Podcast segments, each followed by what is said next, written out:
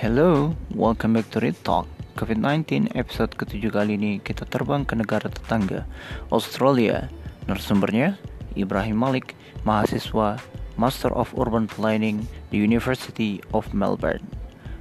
Bagaimana cerita di sana dan bagaimana perkembangan COVID-19 di Australia dan apa kebijakan yang diambil oleh pemerintah Australia? Kita dengarkan saja. So, stay at home and stay tuned.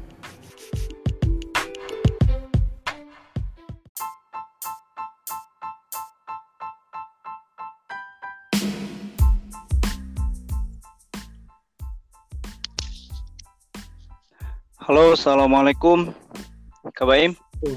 Waalaikumsalam warahmatullahi wabarakatuh. Kak Baim, welcome to my podcast Read Talk. Kali ini di podcast aku Kak Baim, uh, especially kita ngebahas tentang COVID-19 yang ada di berbagai negara. Nah, uh, beberapa episode sebelumnya kita mampir ke Turki, mampir ke Jerman, juga mampir ke Taiwan dan lain sebagainya. Kali ini kita mampir ke Australia. Kak Ibrahim Malik. Kak Baim boleh kenalin diri ya dong sebentar. Oke, thank you Rit, untuk punya kesempatannya. Baik, teman-teman semua, nah, nama saya Ibrahim Malik. Sekarang saya mahasiswa program studi S2 Master of Planning Perencanaan Kota di Universitas Melbourne. Alhamdulillah Oke. sekarang sudah masuk semester akhir ya. Wih, tesis. Ada tesis nggak sih kalau di sana gitu? Eh, kalau tesis sebetulnya di sini opsional. Nah kebetulan saya Mm-mm. ngambil tesis, jadi bisa ngambil tesis, bisa ngambil enggak tesis juga nggak apa-apa.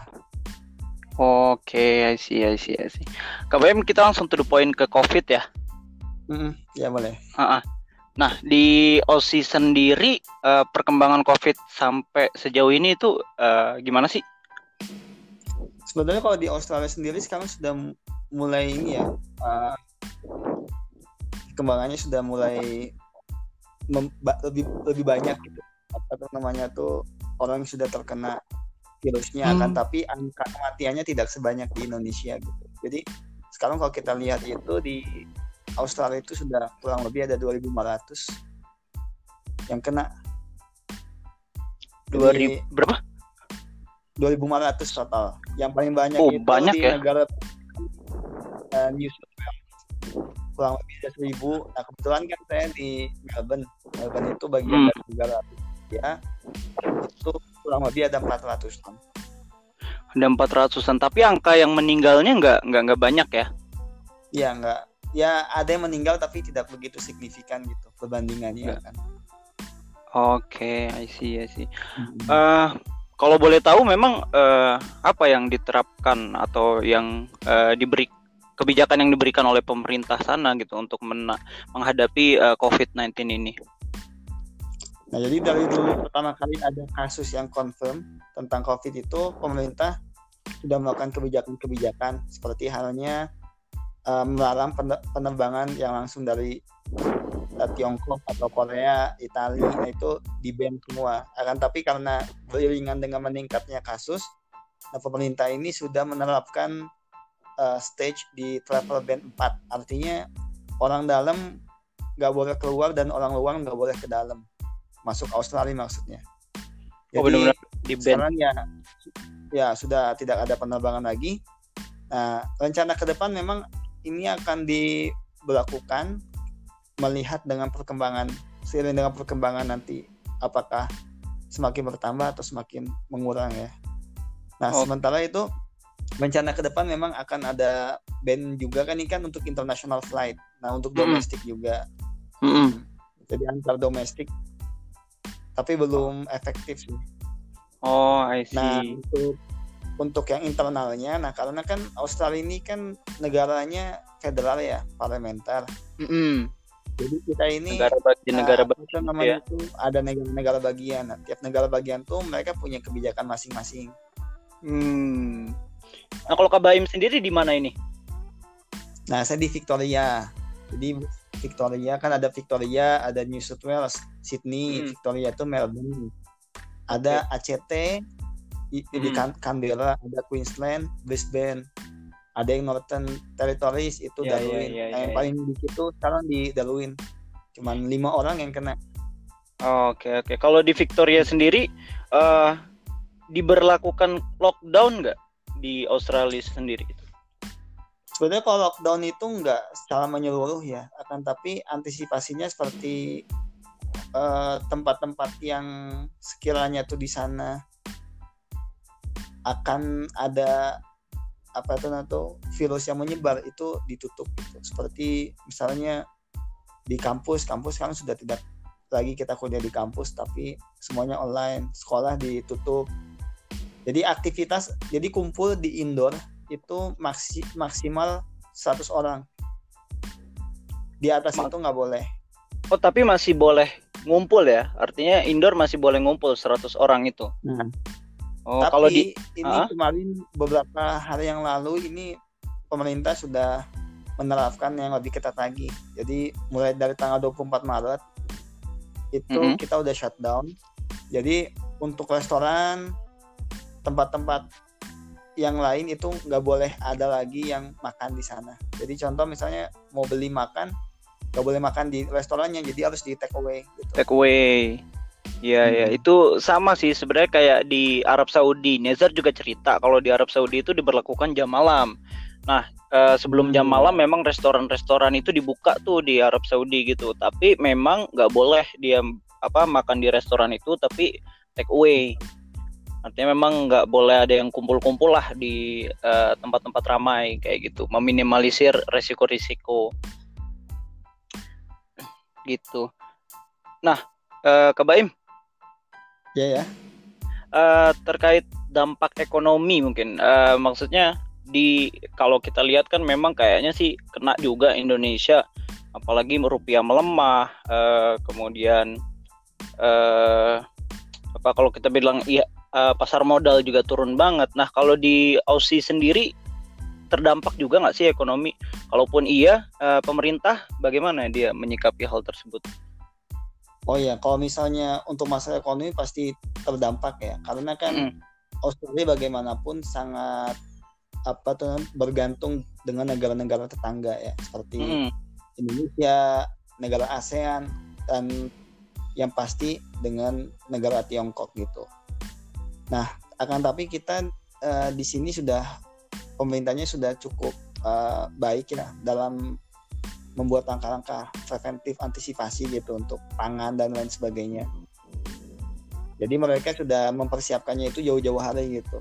Jadi untuk oh oke di sisi ini mereka sudah mempersiapkan dengan banyak uh, upaya gitu. Apalagi kan kalau kita tahu bahwasanya Australia kan negara maju ya, jadi Mhm. mereka punya cadangan devisa yang banyak. Jadi apalagi kan Australia sendiri kan bagian dari Commonwealth. ya Nah, Eh, jadi hanya untuk masalah ekonomi mereka masih bisa survive gitu. Akan tapi tetap mereka punya catatan-catatan khusus gitu bagaimana untuk hmm, mitigasi ya mitigasi ya impact dari corona ini ke depannya gitu. Iya, iya soalnya aku baca juga eh, berita dua hari yang lalu. Nah, eh, pemerintah Aussie sendiri eh, dia ini menyiapkan serta memberikan paket bantuan ekonomi gitu ke eh, beberapa warganya. Itu benar nggak sih, Baim? Oh iya, jadi di sini kita kan ada kri- krisis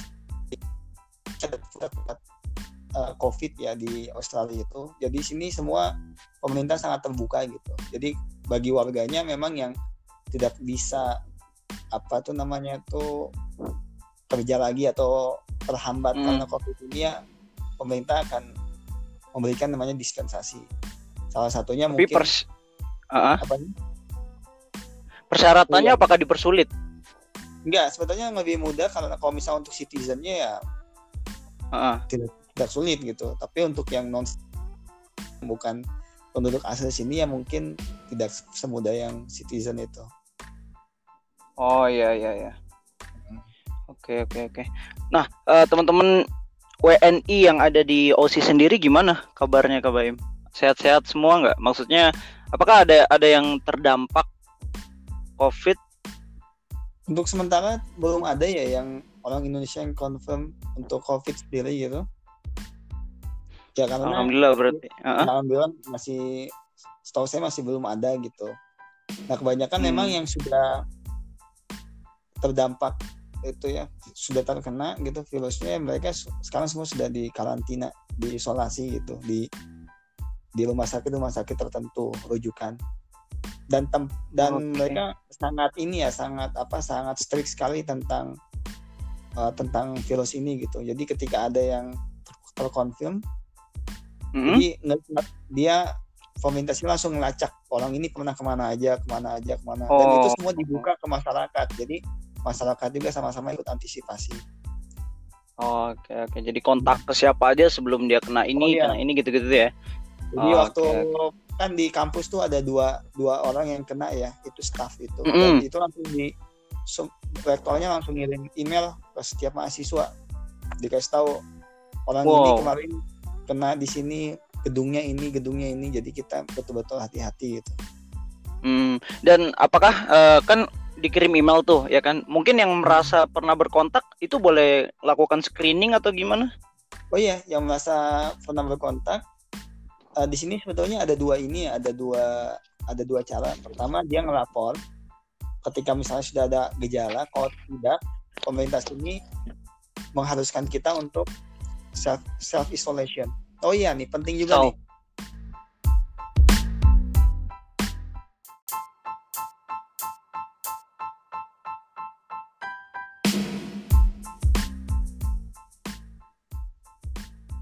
Halo. Kalau baik, ya bisa dilanjutin tadi apa eh, kira-kira yang penting yang bisa disampaikan ke teman-teman? Eh, kalau di sini orang yang sudah tahu eh, misalnya dia sudah pernah ter apa ter ya bukan terkena ya kita kan nggak bisa mendeteksi gitu tapi Mm-mm. pernah ke tempat yang misalnya terdeteksi ya kita dianjurkan untuk self isolation selama 14 hari ini juga Hmm. berlaku untuk turis-turis yang datang yang dulu ya tapi kan Hmm. sudah nggak bisa masuk Jadi misalnya contoh eh, Farid nih ke Melbourne dulu sebelum ada pelarangan ini wajib tinggal 14 hari di tempat misalnya di hotel harus di hotel terus 14 hari nggak boleh ke mana-mana Oh ya self isolation gitu ya? Iya. ya, itu sama sama itu kayak di- Jerman sih. Sebenarnya Jerman juga kayak gitu tuh Hmm. oleh Rehan. Gimana gimana kabain? Itu di dicek sama sama apa tuh namanya? Sama petugas hotelnya itu. Ditanya ini orang di apa petugas hotelnya ditelepon sama sama pemerintah. Apakah orang ini masih di kamar? Jadi betul-betul dipastikan gitu. Oh, good good good. ketahuan dia keluar. Dia Ah, didenda. Dendanya nggak nggak nggak gemen-gemen tuh. Gede Wah, tuh, sampai jutaan gitu. Tapi kaitannya untuk makan dan lain sebagainya di subsidi Nah, hotel. misalnya- ya kalau sekedar makan boleh tapi harus balik lagi kayak gitu ya Oh, Oke. Ya kan self isolation kan bukan kita di kamar 24 jam, tapi kita boleh keluar Iya sih. tapi Nggak kontak sama siapa-siapa.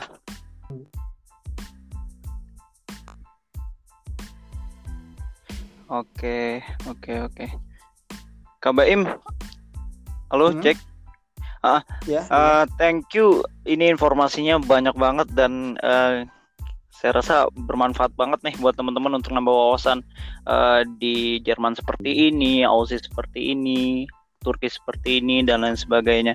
Baim mungkin ada pesan nggak nih buat teman-teman yang ada di Indonesia yang mungkin juga dengerin podcast ini? ya sebenarnya untuk uh, teman-teman yang sebenarnya bukan hanya di Indonesia kan tapi Hmm. di mana pun kita berada ya uh, kita tahu bahwasanya virus ini kan memang uh, apa tuh namanya tuh tidak bisa kita lihat gitu. Mm-mm, nggak terlihat. dan juga kita yakin bahwasanya semua pun uh, ini adalah salah satu ujian bagi kita gitu. Agar kita tetap bisa bersyukur kita tetap bisa antisipasi dengan kesehatan kita. Ya siapa pun teman-teman di mana pun ya saran saya tetap kita patuhi apa yang sudah diinstruksikan oleh pemerintah-pemerintah setempat ya. Betul, betul, betul. karena saya yakin ya intinya itu aja sih kita patuh aja. Misalnya Mm. kalau pemerintah suruh kita di rumah ya udah kita di rumah. Kalau misalnya pemerintah suruh kita uh, social distancing ya udah kita social distancing. Ya kita manut aja ini demi apa kebaikan kita semua gitu. Jadi cuma itu aja sih. Saya yakin kalau untuk nasihat-nasihat kayaknya udah banyak deh di sosial media gitu. iya iya betul banget Kak Baim thank you sekali lagi Kak Baim waktunya Iya, thank you Kak Baim sekali lagi waktunya ya. uh, udah ganggu waktu di sana. Di sana jam berapa nih? Yosi? Iya, sekarang udah jam 10. Oh, malam. Sini baru hmm. maghrib. iya. Ya udah Kak Baim semoga Kak Baim dan juga teman-teman uh, warga negara Indonesia maupun negara OSI di sana sehat selalu dalam menjalankan segala aktivitasnya. Semoga studinya lancar. Hmm. Insya Allah balik Amin. jadi tokoh apa nih Kak Baim? Ya. ya Iya, ditunggu kiprahnya di Indonesia nih Kak Baim. Setelah S2, kalau belum S2 kiprahnya banyak banget kayaknya Baim. ya, semoga yang terbaik aja. Iya, oke okay, Kak thank you teman-teman semuanya. Terima kasih yang udah dengerin. Uh, see you next time in the next podcast. Podcast. Uh, Assalamualaikum warahmatullahi wabarakatuh. Waalaikumsalam warahmatullahi wabarakatuh.